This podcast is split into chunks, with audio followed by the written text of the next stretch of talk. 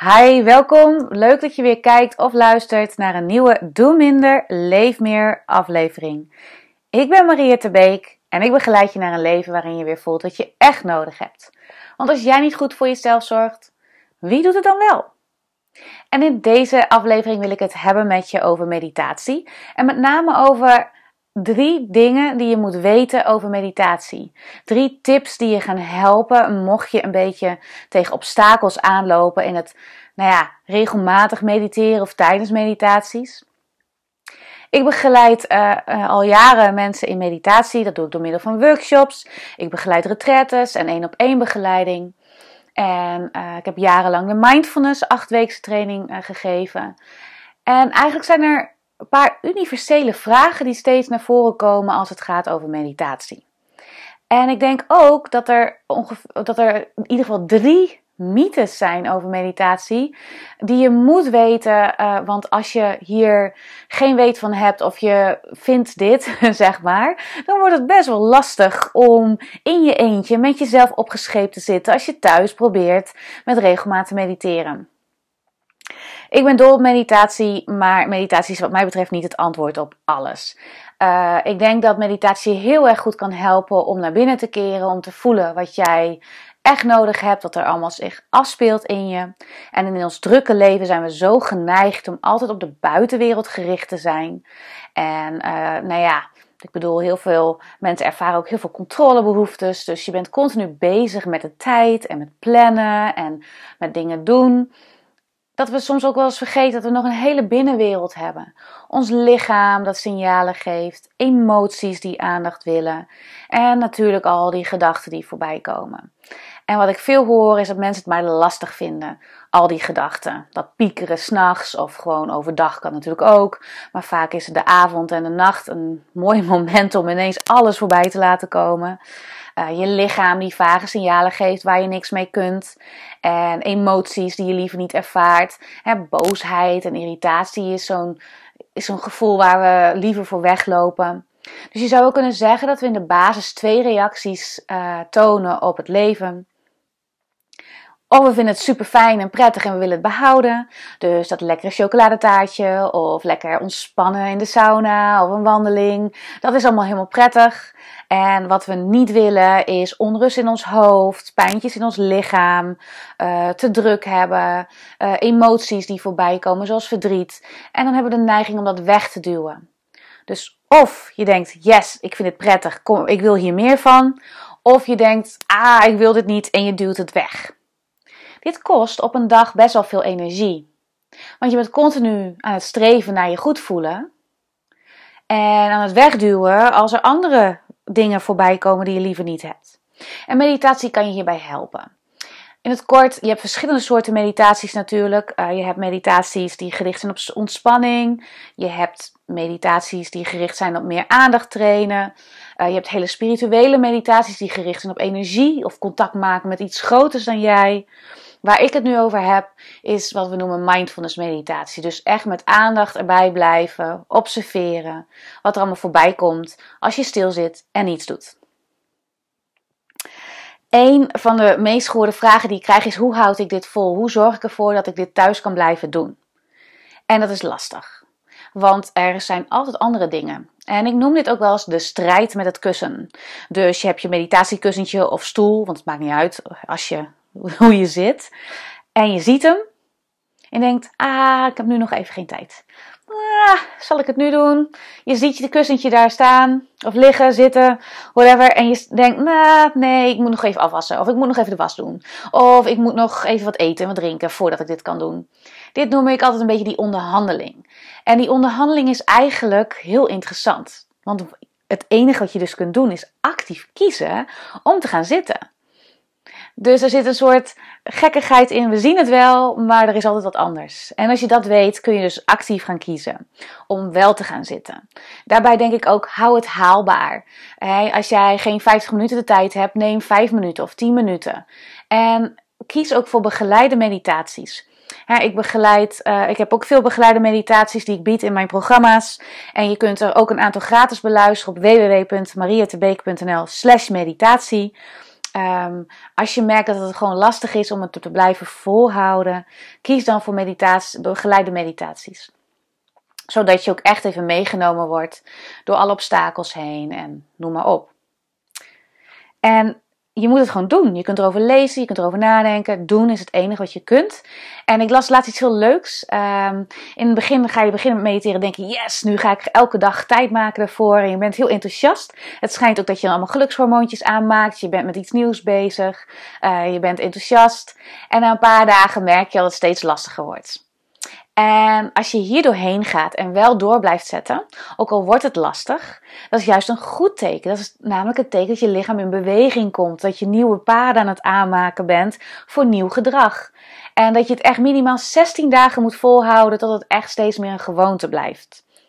En sterker nog, in breinonderzoek zeggen ze: het drie maanden voordat je echt een nieuw paadje in je brein hebt die ervoor zorgt dat je actief blijft mediteren.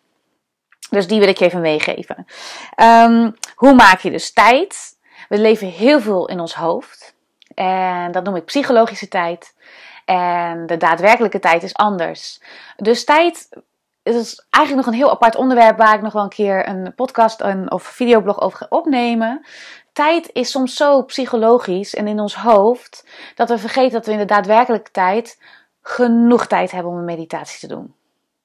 Dus ik wil je uitnodigen, hoe vaak ben je niet in je hoofd al aan het plannen en aan het nadenken of het wel of niet kan, terwijl het daadwerkelijk echt wel gewoon ruimte is. Dus die wil ik je vooral daarin meegeven. Er is een verschil tussen psychologische tijd en daadwerkelijke tijd. Leer dat onderscheid maken en ga dan kijken wanneer jij het beste kunt mediteren. Sommige mensen doen het liefst in de ochtend. Ik ben niet zo'n uh, ochtendmediteerder. Ik heb meestal uh, mijn momentje om een uurtje, vier, vijf smiddags. En ook daarin kun je altijd spelen natuurlijk. Hoe ga je om met al die gedachten? Hoe kan je minder piekeren? En ik denk dat je lichaam is altijd in het hier en nu. En um, deze vraag krijg ik heel veel. Dus je ademhaling in je lichaam helpt je heel goed om steeds weer naar het hier en nu te keren uit je hoofd. En dit is een training. als je je aandacht meer wilt trainen om minder in je hoofd te leven, dan heb je het nodig dat je je aandachtspier traint. Net zoals dat je naar sportschool gaat om je spieren te trainen, of misschien doe je het wel thuis nu. Uh, is dat ook zo met je aandacht. Dus geef dat ook weer die tijd. En ik ga er straks nog op komen omdat ik drie tips heb die je echt moet weten voordat je uh, weer verder gaat. Wat ik ook vaak uh, als vraag krijg, ja, als ik mediteer merk ik dat ik graag dieper wil ademhalen. Mijn ademhaling is zo oppervlakkig, of snel, of raar. Laat je ademhaling zijn zoals het is. Als die hoog is, betekent dat dus blijkbaar dat er veel spanning in je lijf zit. Of dat je zo gewend bent om zo te ademen. En doe minder je best. Waarom moet je dit goed doen? Waarom moet je ademhaling per se goed zijn? En dat is eigenlijk wat meditatie heel mooi kan uh, leren. Om te zijn met het niet perfecte plaatje. Om te zijn met die ademhaling die eigenlijk heel oppervlakkig is en snel gaat. En als je daar je aandacht heen brengt, dat je denkt: wow, dit voelt best wel benauwend. Mijn ervaring is, hoe vaker je dit doet, je ademhaling beweegt vanzelf mee. Je hoeft niet zo hard je best te doen. En daarmee maak ik graag de overgang naar die drie mythes, die uiteindelijk dus ook drie tips zijn voor jou om mee te nemen in je meditatiebeoefening.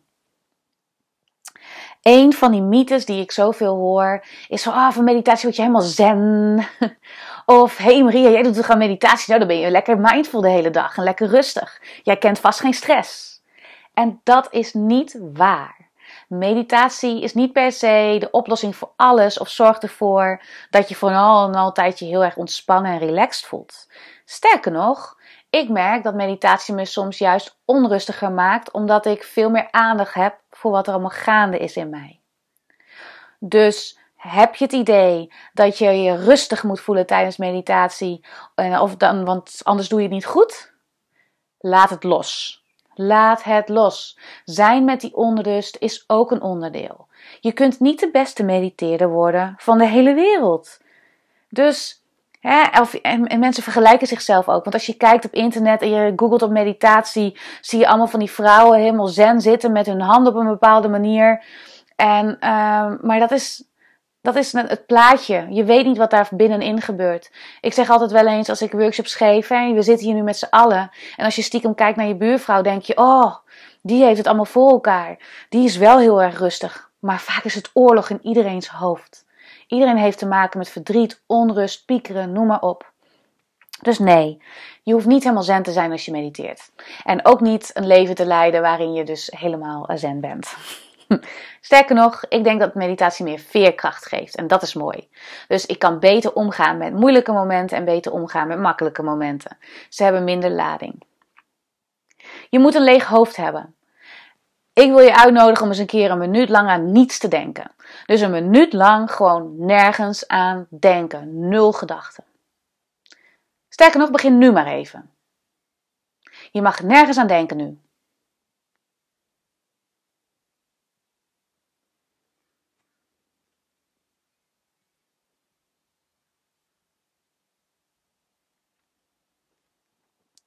En hoe werkt dat?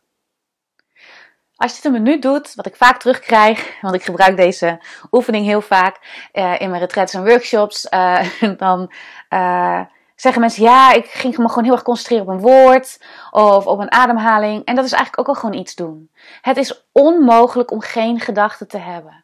Het is heel onvoorspelbaar wat jij zo meteen gaat denken. Daar heb jij geen invloed op. Dus laat die gedachten voorbij komen. Je hoeft geen leeg hoofd te hebben. Dat bestaat niet.